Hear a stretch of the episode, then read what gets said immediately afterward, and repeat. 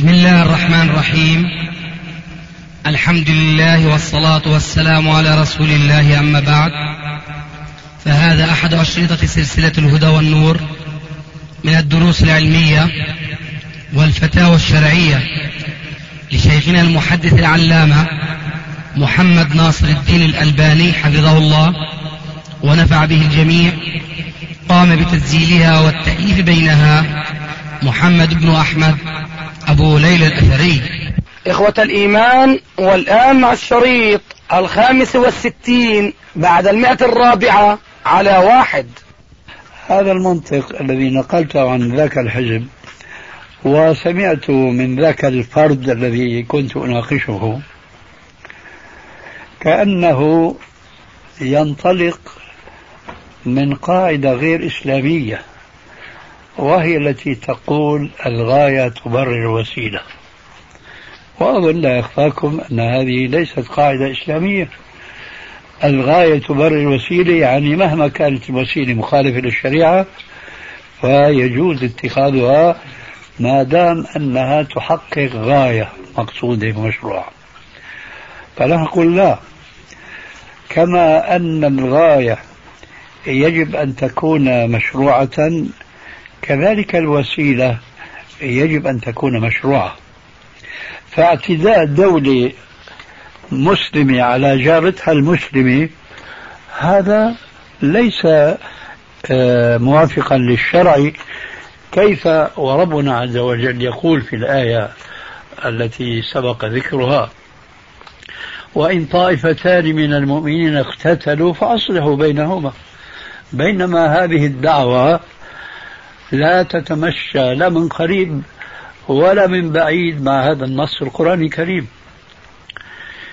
فأنا حاججت صاحبنا المشار إليه بهذا المنطق الإسلامي فما اقتنع.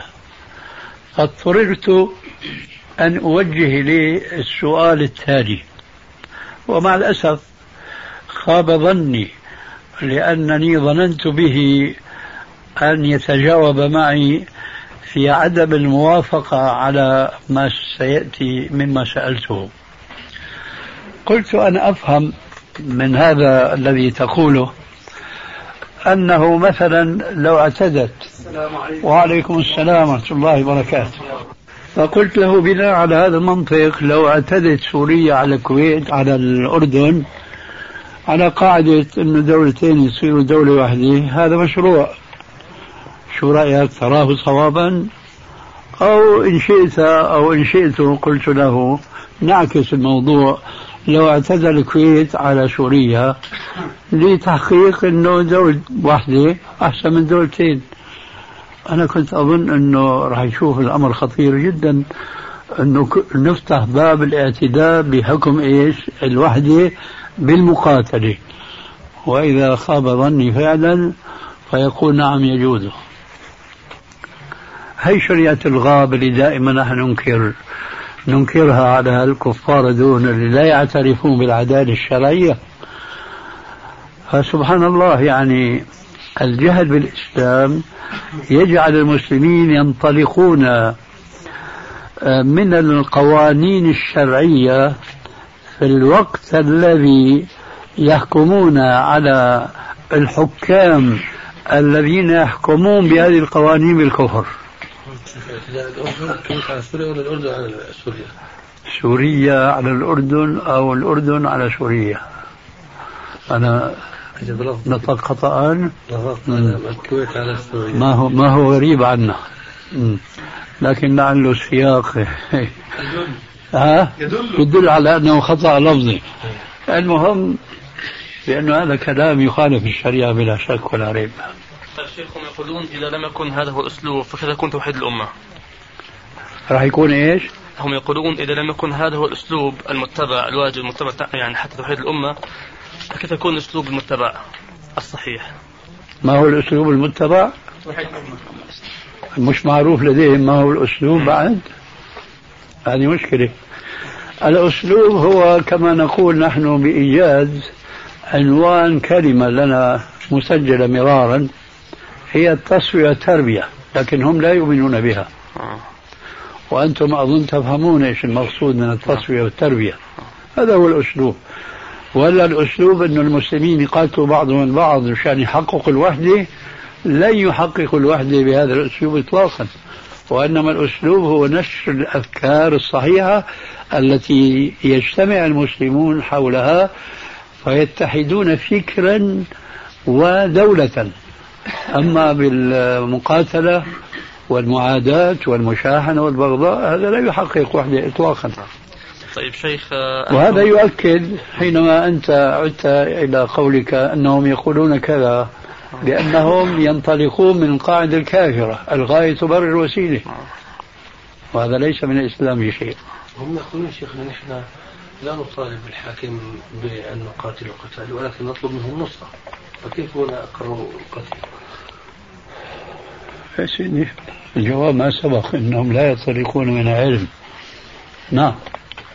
طيب شيخ أنت عندما اجبت قبل الساعة على الهاتف حول حديث يغزوكم بلون أصفر فيرمونكم بالطير وترمونهم شهرا كاملا إلى آخره.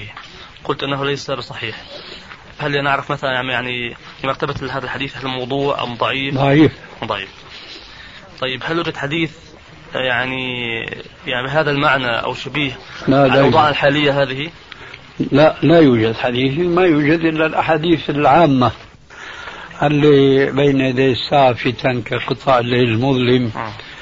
آه، يصبح الرجل فيها مؤمنا ويمسي كافرا ويمسي مؤمنا ويصبح كافرا. يبيع أحدهم دينه بعرض من الدنيا قليل. فمثل هذه الأحاديث تنطبق بعمومها على وضعنا الحاضر. وبخاصة أن في بعض طرقها آه، وصف الناس يومئذ بأنهم بأن عقولهم هباء ويحسبون أنهم على شيء وليسوا على شيء.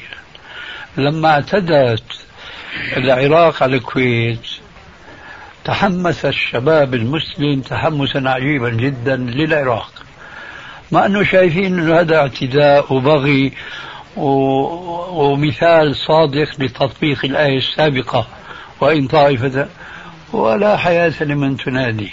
حتى من بعض إخواننا السلفيين يعني.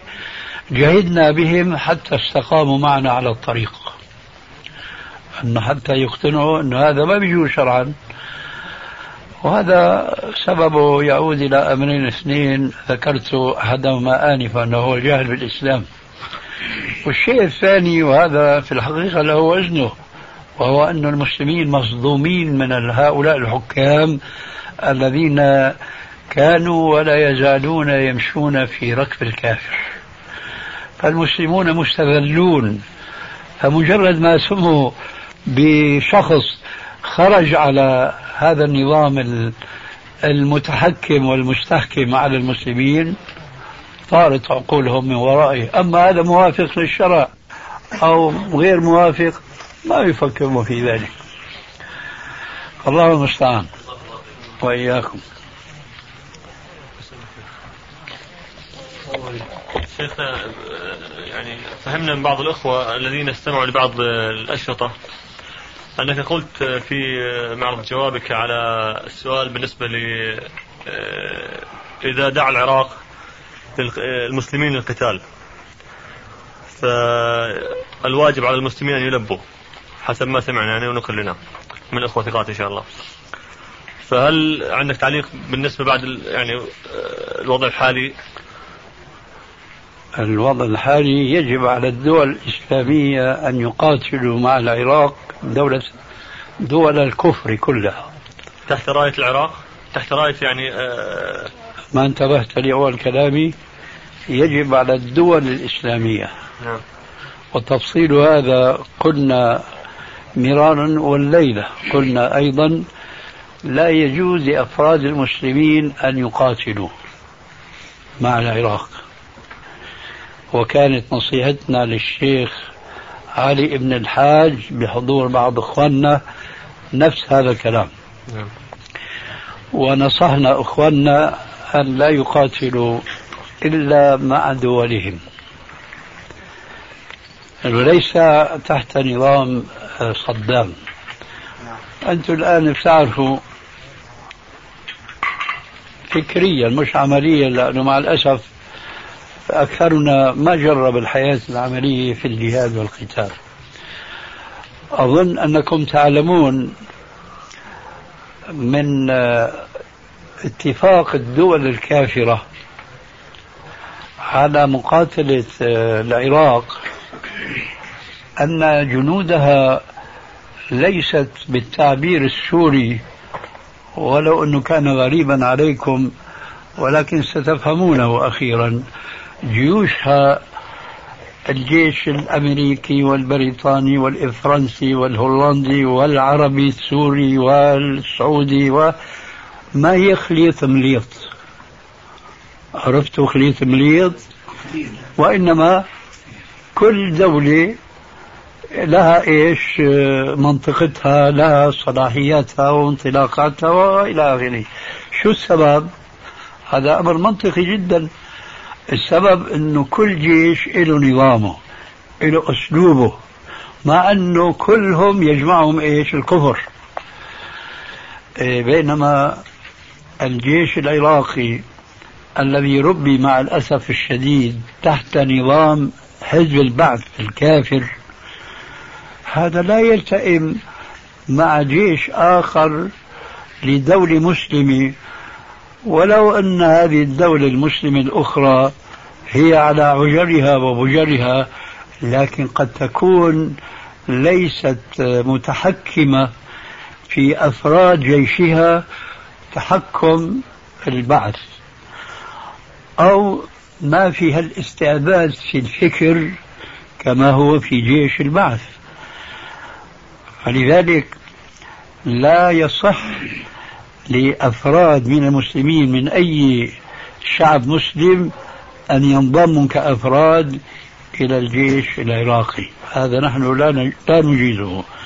وإنما إذا كان هناك دولة مسلمة كالدولة الجزائرية أو الأردنية أو غيرها تنطلق لمساعدة العراق على أولئك الكفار بوسائلها القتالية ويكون معها ما يسمى اليوم بالجيش الشعبي. هكذا يجب أقول أنا أما كأفراد فلا يجوز. يعني تقول الدولة مسلمة تساند العراق تقاتل بجيشها. فأنت تنضم لهذا الجيش بحسب وجودك في المكان في الدولة اللي هي يعني. أي نعم طب هذه الدولة ممكن تكون نعلم أنه لا توجد دولة ترفع راية الإسلام يعني أو يعني قانونها حتى العسكري ما ما يعني ما ما إيه، هذا جواب أخي معروف بارك الله فيك م. يعني الآن المسلمون بين شرين وأظن فيما سبق من كلامنا إن لم يكن واضحا من قبل فهو واضح.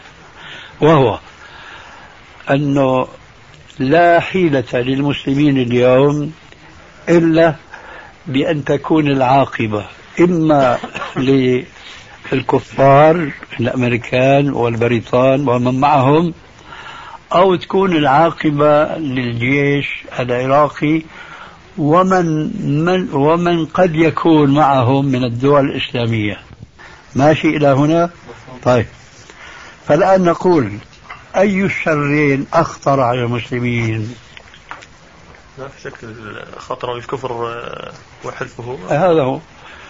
ولذلك من باب دفع الشر الأكبر بالشر الأصغر يجب ألا نتعمق في التفكير الذي هو واقع مع الأسف مما أنت ذكرته.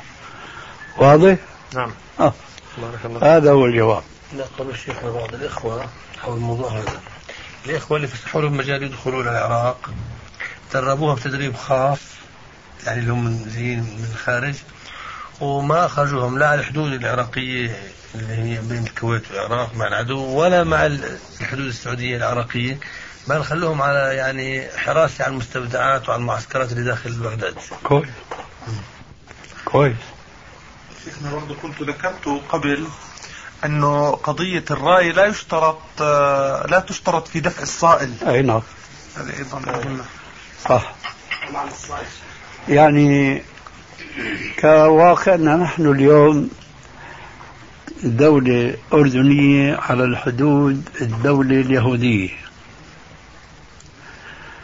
فالدولة الأردنية بلا شك خير من بعض الدول الأخرى من حيث أن الإسلام فيه ظاهر إلى حد كبير.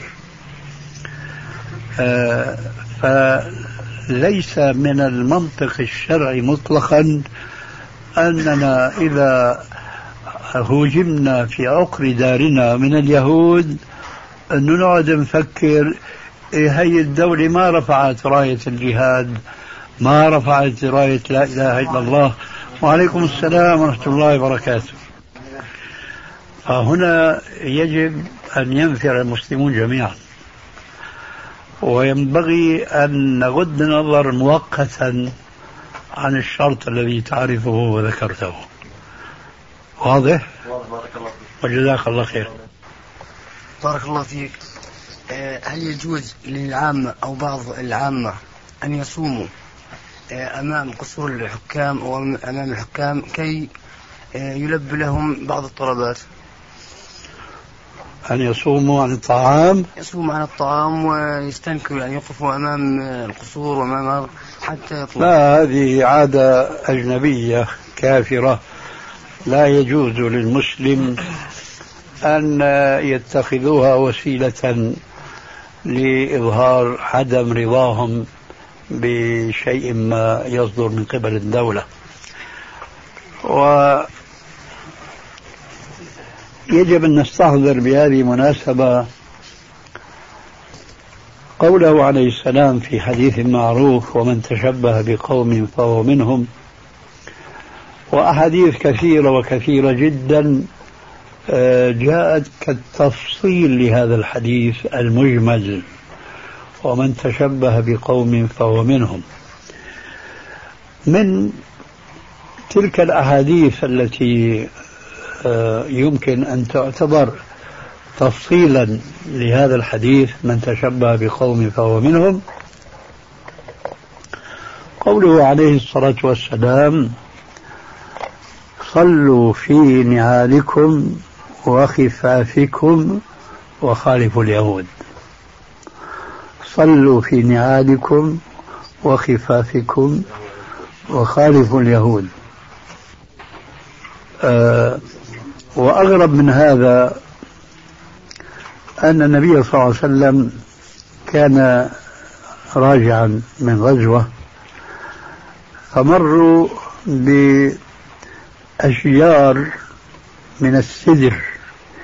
كأن المشركون يعلقون عليها أسلحتهم. فقال بعض الصحابة يا رسول الله اجعل لنا ذات أنواط كما لهم ذات أنواط. كلمة قالوها اجعل لنا ذات أنواط كما لهم ذات أنواط. فقال عليه الصلاة والسلام مستنكرا الله أكبر إنها السنن أو السنن. لقد قلتم كما قال قوم موسى لموسى اجعل لنا إلها كما لهم آلهة. انظروا الفرق بين المقولتين. أولئك يقولون اجعل لنا إلها نعبده من دون الله. أما أصحاب الرسول اجعل لنا شجرة ذات أنواط كما لهم ذات أنواط شتان بين المقولتين. تلك لا علاقة بالعقيدة بل بالعبادة بالتوحيد. وما ينافي التوحيد من الشرك الأكبر اجعل لنا إلها كما لهم آلهة. وقول بعض الصحابة اجعل لنا ذات أنواط كما لهم ذات أنواط ليس لها علاقة بالعقيدة ولا بالفقه وإنما إلى علاقة ممكن نسميه ببعض النواحي الاجتماعية. فما رضي الرسول عليه السلام هذا التشبيه. وإن كان الموضوع منفك أحدهما عن الآخر كل الانفكاك فأنكر عليهم أنهم قالوا كما لهم ذات أنواط. فهذا الحديث بيأكد أن المسلمين يجب أن يكونوا آه، لهم شخصية مستقلة تماما عن الكافرين ليس فقط باطنا بل وظاهرا أيضا فلهم شخصيتهم الخاصة المتميزة عن الشخصيات الأمم أو الشعوب الكافرة. فتجويع المسلم لنفسه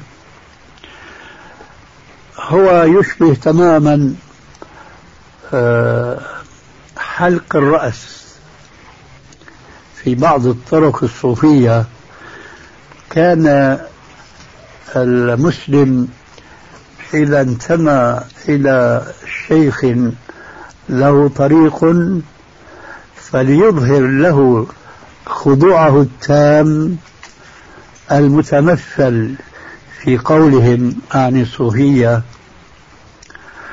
المريد بين يدي الشيخ كالميت بين يدي الغاسل. تحقيقا لهذا الاستسلام الأعمى المخالف لقوله تعالى قل هذه سبيلي أدعو إلى الله على بصيرة أنا ومن اتبعني يعلنون عن ذاك المبدأ المخالف للبصيرة بأن يأمروا المنتمي إلى الطريق بأن يحلق رأسه. فنحن نعلم أن حلق الرأس هو عبادة وطاعة لله عز وجل في بعض الأماكن وهو أمر جائز في غير تلك الأماكن. كما قال عليه السلام احلقوه كله أو دعوه كله. أما في الحج محلقين رؤوسكم ومقصرين. والرسول عليه السلام كما جاء في الصحيحين قال اللهم اغفر للمحلقين اللهم اغفر للمحلقين اللهم اغفر للمحلقين. قالوا يا رسول الله وللمقصرين؟ قال وللمقصرين. فإذا لما كان الحلق عبادة ومنسك من مناسك الحج لا يجوز شرعا نقله إلى مناسبة أخرى كما اتخذ ذلك الصوفية أو بعض مشايخ الصوفية طريقة ومنهجا لهم على ما شرحت آنفا. ذلك الصيام. الصيام طاعة لله عز وجل له نظامه وله شروطه وأركانه. لو أن المسلم أراد أن يواصل الليل بالنهار لكان عاصيا لأن النبي صلى الله عليه وسلم قال لا تواصلوا فإن كان ولا بد فمن السحور إلى السحور. فمواصلة الصيام اللي هو طاعة عباد الله لا يجوز فكيف يجوز في شريعة الله أن يضرب عن الطعام ويواصل الليل والنهار اتباعا لطريقة الكفار؟ فهنا مخالفتان. المخالفة الأولى ما كنا ندندن حولها وهو التشبه بالكفار. والمخالفة الأخرى أننا سننا لأنفسنا مواصلة الإمساك عن الطعام حيث لا يجوز في العبادة فضلا أن لا يجوز في غير العبادة. نعم. بمناسبة هذا السؤال يذكرني بشيء قرأته في جريدة أمس أو قبله. تدعو بعض الجماعات الإسلامية بعض السكان إحدى المدن في هذا البلد أن يصوموا في يوم كذا ويحملوا المشاعل ويصعدوا السطوح بنية الاستلهام النصر أو شيء من هذا لا إي نعم عجيب نعم يحمل المشاعل أنا, إلى أنا سمعت بالصيام هذا المزعوم لكن مشاعل إيش؟ هذا جريت أمس شيخنا قال المشاعل يحملون المشاعل ويقفون على الأسطحة يدعون الله بالنصر وكذا. عفوا الداعي إلى هذا الجماعة الإسلامية؟ إي طبعا جماعة اسلاميه. إي نعم. كيف؟ هذا تقليد للنصارى. هو هذا. المشاعر بالشعراء والله غريب يعني. نعم. الله أنا سمعت صيام وشفناه في بعض المساجد لكن بهالوصف أيضا؟ نعم. الله أكبر. يحملون المشاعر هذا يا أخوانا هو دليل لما قلنا ونقوله دائما أن المسلمين اليوم ينطلقون بجهل. لا ينطلقون مع أحكام الدين لأنهم يجهلون أحكام الدين. وفاقد الشيء لا يعطيه. ولهذا نقول لا بد من التصفية والتربية. لا بد من التعلم للعلم الصحيح والتربية على هذا العلم الصحيح وإلا لن تقوم للمسلمين قائمة شيخنا أيضا في إشكال يطرحه البعض في ظل هذه الظروف ال- الأليمة التي يشعر بها المسلمون كلهم حقيقة. أي نعم. يقول بعض يعني الإخوة الذين نظن فيهم الخير والسداد لكن غمرة العواطف قد تنسي أحيانا بعض الحق. يقولون ماذا فعل المنهج السلفي والتصفية والتربية التي دعا الشيخ إليها أكثر من خمسين عاما في ظل هذه الظروف وماذا قدم وماذا قدمت للواقع الإسلامي وللشارع الإسلامي وكذا ما شاء وكذا الله إلى آخر هذا الكلام. فأجبناهم إجابة يعني تليق بالحال لكن حبذا لو نسمع كلام شيخنا فيها والله أنا أخجل أنه أتكلم في هذا الصدد. لأن هذا شيخنا شيء عام يعني. مع الأسف الله المستعان لا أنت على كل حال تعرف وإذا كان ولا بد فلتتحدث. لكن أنا أقول سبحان الله أن هؤلاء الناس يعني إخواننا بلا شك مسلمون ولكنهم قوم لا يعلمون. لا يرجعون إلى أصول الشريعة وقواعدها. تركت فيكم أمرين لن تضلوا ما إن تمسكتم بهما كتاب الله وسنتي ولن يتفرقا حتى يرد علي الحوض. هؤلاء ما أدري هل هم يعني يجهلون أم هم يتجاهلون. هناك حقائق مرة مؤسفة يعلمها كل المسلمين المثقفين. خلاصتها أن الإسلام اليوم هو غير ذاك الإسلام في ذاك اليوم الأول الأنور. ولئن جادل جاهل في هذه الحقيقة المرة فإننا نذكره. هل كان لذاك الإسلام في اليوم الأول مفاهيم متعددة؟ ورسول الله صلى الله عليه وسلم بين ظهرانيهم أم كان له مفهوم واحد؟ لا شك سيكون الجواب ليس هناك إلا ما يقدمه الرسول عليه السلام إلى أصحابه الكرام. يعود السؤال نفسه هل الأمر كذلك اليوم؟ هل الأمر كما كان في ذلك اليوم في هذا اليوم؟ أم الإسلام له مفاهيم عديدة وكثيرة؟ أظن أيضا سيكون الجواب الجواب مطابقا للواقع ألا وهو أن للإسلام مفاهيم كثيرة وعديدة. يكفي أن هناك آه، ثلاثة مذاهب في العقيدة نجملها بمذهب أهل الحديث أهل السنة ومذهب الماتريدية ومذهب الأشاعرة. هذا في العقيدة. وعندنا مذاهب لا تقول أربعة قولوا أربعين وأكثر في المذاهب الفقهية.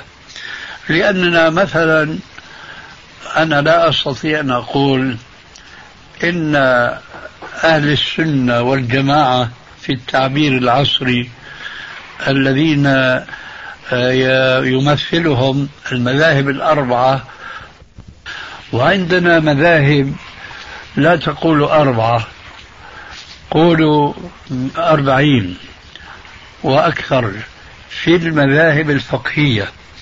لأننا مثلا أنا لا أستطيع أن أقول إن أهل السنة والجماعة في التعبير العصري الذين آه، يمثلهم المذاهب الأربعة أن هدول فقط المسلمون وما سواهم من الفرق الأخرى وإن كانت ضالة عندنا لكننا ما نستطيع أن نصرح بإخراجهم من دائرة الإسلام. مثلا الزيدية اليمانية. ما نقول هؤلاء ليسوا مسلمين لكن ليسوا على منهج السنة التي كان عليها السلف الصالح. كذلك مثلا ننتقل إلى الإباضية الذين هم الآن في سلطنة عمان وغيرها في الجزائر يوجد منهم قسم كبير جدا. هؤلاء ما نخرجهم أيضا من دائرة الإسلام.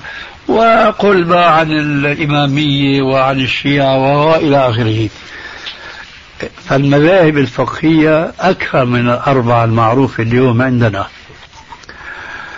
آه ثم إذا انتقلنا من المذاهب الفقهية إلى المذاهب السلوكية أو التربوية ونجمعها بكلمة الصوفية أي الطرق. فحدث عنها ولا حرج وبخاصة أنهم يصرحون أو على الأقل بعضهم يقول الطرق الموصلة إلى الله هي بعدد أنفاس الخلائق. هي بعدد أنفاس الخلائق. هذا هو الإسلام اليوم. ولا نريد أن نذكر بأن في المسلمين اليوم من يقول أن من يقول وما الله إلا راهب في كنيسة شو قال الأول. وما الكلب, وما الكلب والخنزير إلا إلهنا وما الله إلا راهب في كنيسة. في من يقول اليوم هذا مسلم. ولا آه نطيل الكلام لكن حسبي أن أقول اليوم أكثر المسلمين من أهل السن والجماعة أهل السن والجماعة وأعني ما أقول يعني من المذاهب الأربعة اليوم من يقولون دون أن يسألوا ولئن سئلوا أجابوا بما يقولون دون أن يسألوا.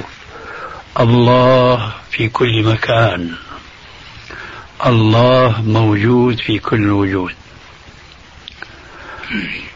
هؤلاء الذين يسألون هذا السؤال هم إما جهلة أو متجاهلون وكما يقال أحلاهما مر نضطر مع الأسف الشديد أن نقول الآن ما جواب عن سؤالهم.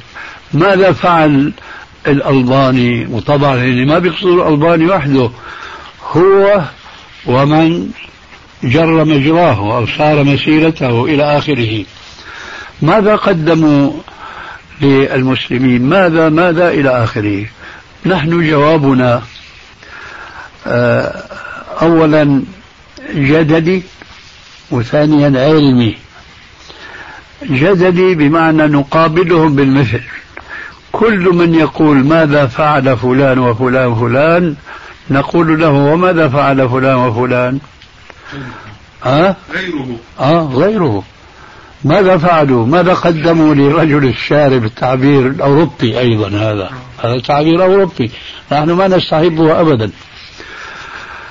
لأنه رجل الشارع عندنا يعني الفكر العام. وهذا لا قيمة له في الإسلام. أما عند الأوروبيين بهمهم لأنه برلمان. البرلمان قائم على ماذا؟ على الفكر العام. شوف بقى كيف الناس يفكروا قائم على الشمال لذلك نحن ما نقول قولتهم هذه إلا تذكيرا ثم تنفيرا. لكننا نقول ماذا قدموا للمسلمين؟ الحزب الفلاني صار له قرابة قرن من الزمان والحزب الثاني صار له قرابة نصف قرن من الزمان. ماذا قدموا بتعبيرهم المستنكر عندنا لرجل الشارع؟ ما قربوا سوى رغوة الصابون. رغوة الصابون. فقاعات فارغة. بدليل يظل أحدهم لا يدري معبوده أين هو. ولئن سئل بسؤال الرسول عليه السلام للجارية أين الله قف شعر بدنهم. قالوا هذا سؤال أعوذ بالله هذا ما بيجوز.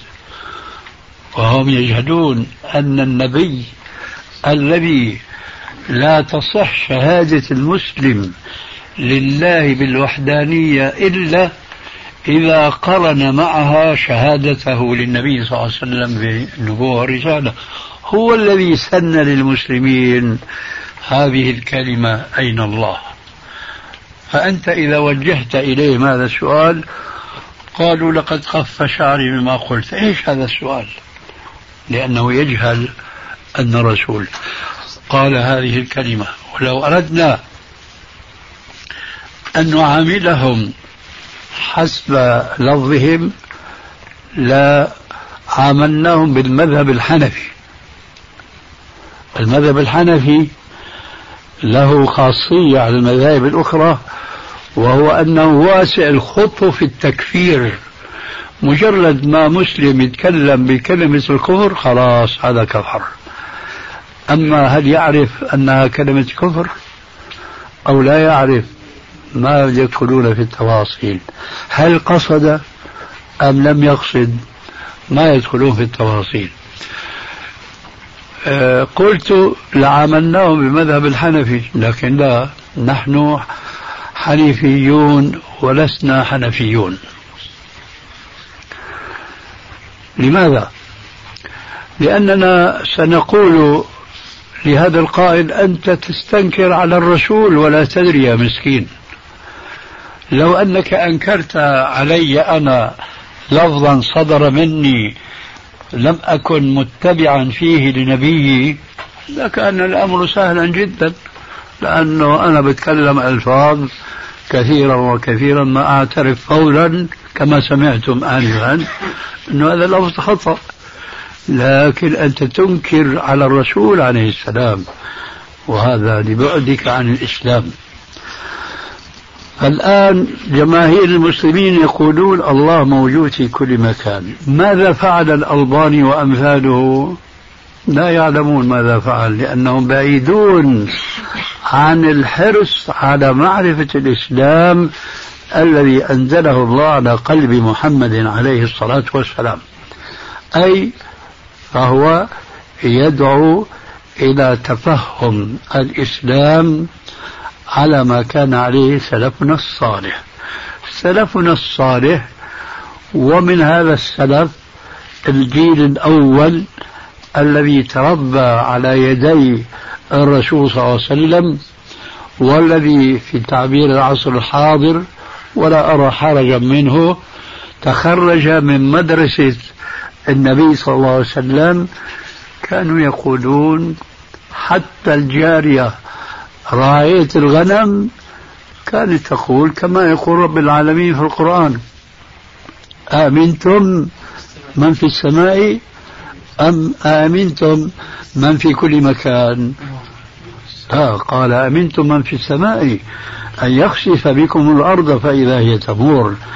أم أمنتم من في السماء أن يرسل عليكم حاصبا فستعلمون كيف الذي؟ فالجارية راعية الغنم لما الرسول عليه السلام سألها أين الله؟ قالت الله في السماء. اليوم اسأل هؤلاء الذين يقولون ماذا قدم الألباني وبقية كلام عرفتموه.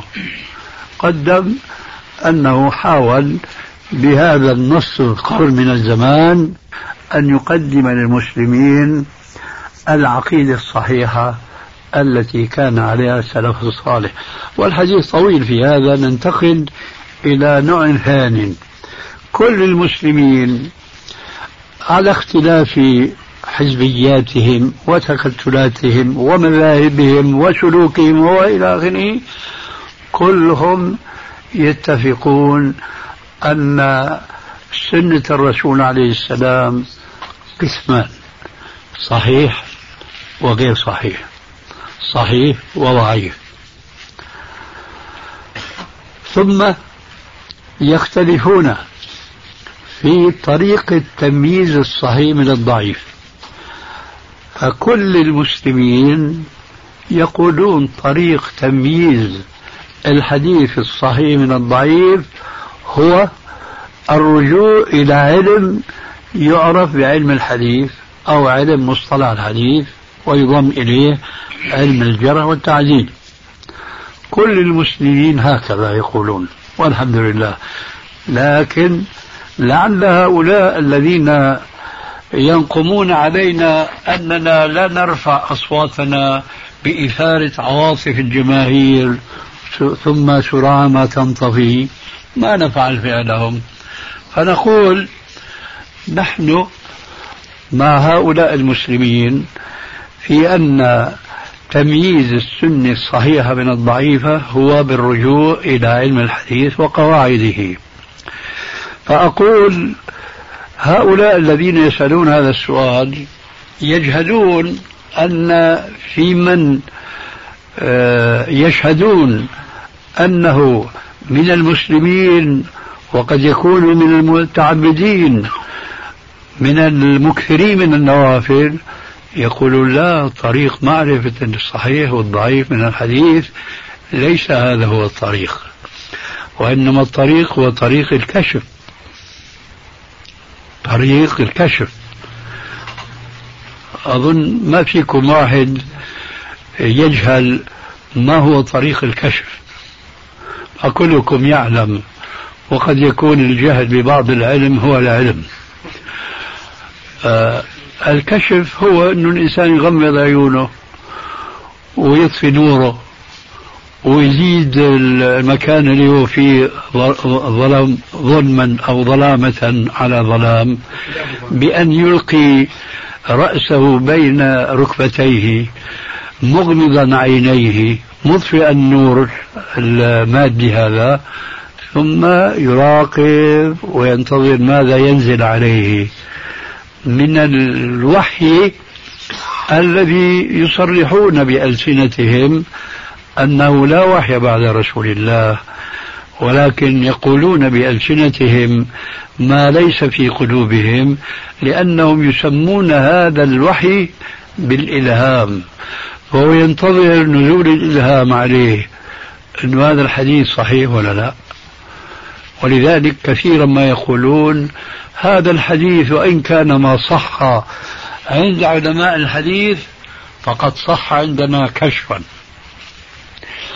هذا وأمثاله يجهلون هذه الحقيقة المرة أنها توجد في جماعات ومشايخ ويصلون ويصومون ولكنهم خرجوا عن دائرة الإسلام باتخاذهم طريقا كيفيا هوائيا لا ضوابط له.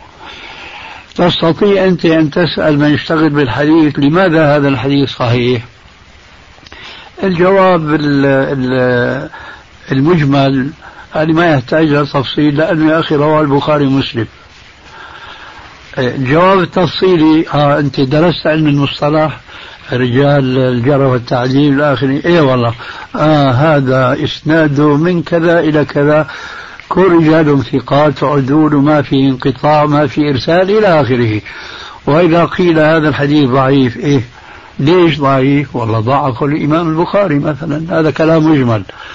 تفصيلها في سند فلان ابن لاهيع مثلا وهذا رجل فاضل عالم لكن كان سيد أما إذا سألت الذي قال لك تلك الكلمة الخطيرة هذا الحديث وإن كان ضعيفا. عند علماء الحديث فقد صح عندنا كشفا. كيف بده يقنعك؟ بيقول لك يا أخي ادخل أنت في الطريق حتى تصير مثل حكايتنا وحينئذ من ذاق عرفة. هذا كله موجود في العالم الإسلامي. وهؤلاء الذين لا يشتغلون بالعلم الشرعي لا يعلمون هذا الواقع ثم ينكرون أهمية تصفية الإسلام من العقائد السيئة المخالفة لشريعة الإسلام الأولى. ولا يهتمون بتصفية هذا الإسلام من الأحاديث الضعيفة الموضوعة. فماذا فعل الألباني وأمثاله؟ إنهم قوم لا يعلمون. ثم هناك في التصوف انحرافات خطيرة جدا تتعلق بالعقيدة وتتعلق بالعبادة وتتعلق بالسلوك فكثير منهم من يصوم الدهر. والحديث الصحيح يقول من صام الدهر فلا صام ولا أفطر. كثير من هؤلاء الشباب الذين يقولون ماذا فعل الألباني وأمثاله؟ يتعبدون يجتمعون في المساجد ليلة الجمعة يحيونها. ورسول الله صلى الله عليه وسلم يقول لا تختصوا ليلة الجمعة بقيام ولا نهارها بصيام. إنهم قوم يجهلون. ماذا فعل الألباني؟ ما عرفوا ماذا فعل لأنهم لا يريدون أن يفعلوا وأن يعلموا. ماذا يقول الإنسان وهو يتحدث عما يفعل؟ وهذا ما هو أمر مستحسن عادة ولكن كما قال تعالى وأما بنعمة ربك فحدث وبخاصة إذا جاء سؤال محرج كهذا فجوابنا أننا نحن نحاول أن نعود بأنفسنا أولا ثم بغيرنا ثانيا إلى ما كان عليه السلف الأول من الفهم الصحيح للإسلام بما فيه من عقائد وأحكام وسلوك. وهذا لا يمكن إلا بوضع نظام لمعرفة الصحيح من الضعيف من الأحاديث. ونحن على هذا ماضون ونسأل الله عز وجل أن يتقبل منا عملنا هذا المتواضع ولا يكلف الله نفسا إلا وسعها. أما الآخرون فقد أشبعوا الأمة صياحا وزعاقا ثم تعبيرا على النظام العسكري مكانك راوح يعني ما في تقدم إطلاقا. مكانك راوح لا تقدموا علما ولا تقدموا سلوكا سوى صياحا وزعاقا. والله المستعان. قال إنه في مقال بجريده إنجليزية وأمريكية قبل سنة ونص قارئ وبتحدث عن خطط أمريكا للقضاء على العراق خشية أن تنقلب هذه القوة إلى قوة إسلامية أو شيء من هذا. فأقول يعني يعني حبذا لو طلبنا منه أن يترجم هذا المقال ونقراه على أستاذنا. أيوه. نعم. يلا يا أبو ليلى. وين أبو ليلى؟ يلا خذ. سلاحك. زوايا قضايا. اخر سؤال شيخ عند هذا الاخ العراقي نعم. السلام عليكم. وعليكم السلام. شيخ أنا مرسل من شباب أهل بغداد. وهناك سؤال يحيك في صدورهم ولا يجدون له جوابا عند علماء أهل بغداد. السؤال هو هل البقاء في بلاد المعصية أو الفسوق أو الكفر إذا صح التعبير أن نسميها بلاد كفر هل البقاء في هذه البلاد أولى وأفضل؟ مع نشر الدعوة إلى الله تعالى وبيان السنن وتطبيق السنة وتعليم الناس أمور الدين. هذا أفضل أم الهجرة إلى الجهاد في سبيل الله تعالى والقتال مع أهل الدين؟ أفضل؟ أيهما أفضل يعني؟ هذا سؤال يتكرر سواء كان متعلقا بالعراق أو بمثيلتها سوريا أو ليبيا أو نحو ذلك. أولا آه، في سؤالك ما ينبغي يعني تحرير المقال فيه وقبل ذلك لابد لي من تنبيهك لأن بعض إخواننا يبتدئون, يبتدئون السؤال بالسلام عليكم. هذا الابتداء لا نعرفه في السنة لأنك أنت جالس معنا فلا فارقتنا حتى تدخل علينا. وتباشرنا بالسلام كما هو السنة. فأنت معنا وفينا جالس.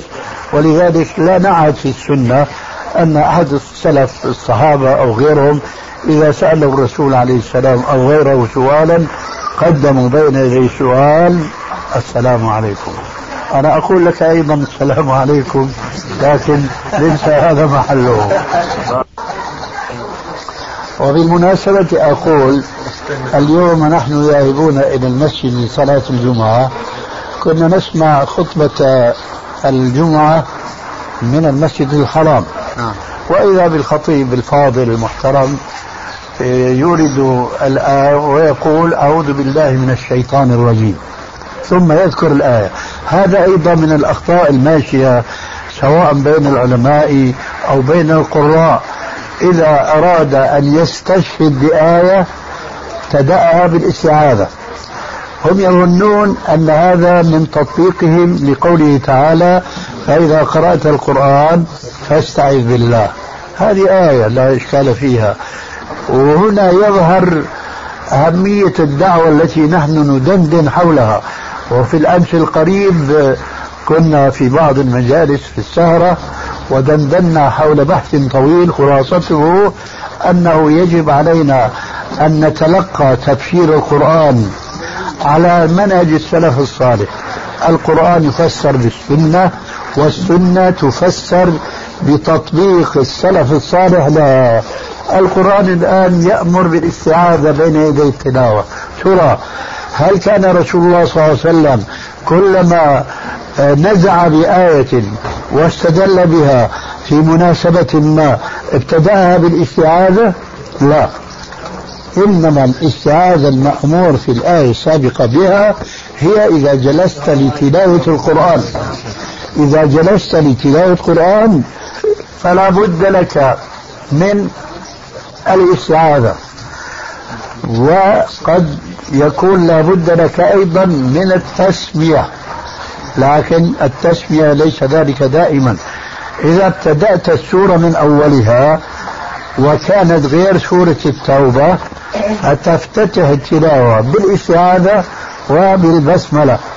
أما إذا بدأت القراءة من وسط السورة أو من آخرها فتبتدئ التلاوة بالاستعاذة فقط دون البسملة. أما إذا أردت أن تورد آية فلا تقول أعوذ بالله من الشيطان الرجيم.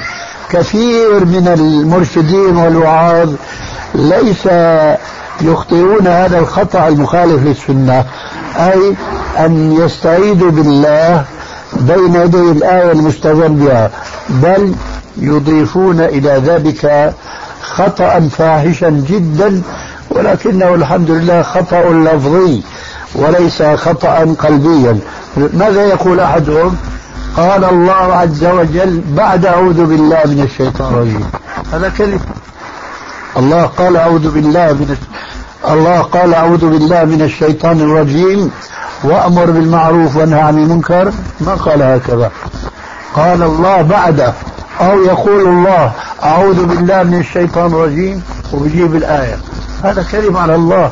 كل هذا غفلة عن هدي رسول عليه السلام وعن سنته. أعود بعد هذه التوطئة ولو أنها طالت شيئا قليلا ولكنها يعني لا تخلو من فائدة ينبغي ذكرها. سؤالك قلت يحتاج في بعضه إلى تحرير لأنه كان مترددا بين رأيين. أن يهاجر أم يقيم حيث هو يأمر بالمعروف وينهى عن المنكر وينشر السنة ويدعو إليه إلى آخره؟ أنا أقول إذا كان هناك حرية دينية كما يقولون اليوم فهو يستطيع أن يأمر بالمعروف وينهى عن المنكر وأن ينشر السنة دون أن توضع العراقيل في طريقه بل ودون أن يسجن ويعذب ويحال بينه وبين ما كان في صدده من الأمر بالمعروف والنهي عن المنكر بينما في بلد آخر يستطيع أن يقوم بذلك حينئذ نحن نقول يجب عليه الهجرة.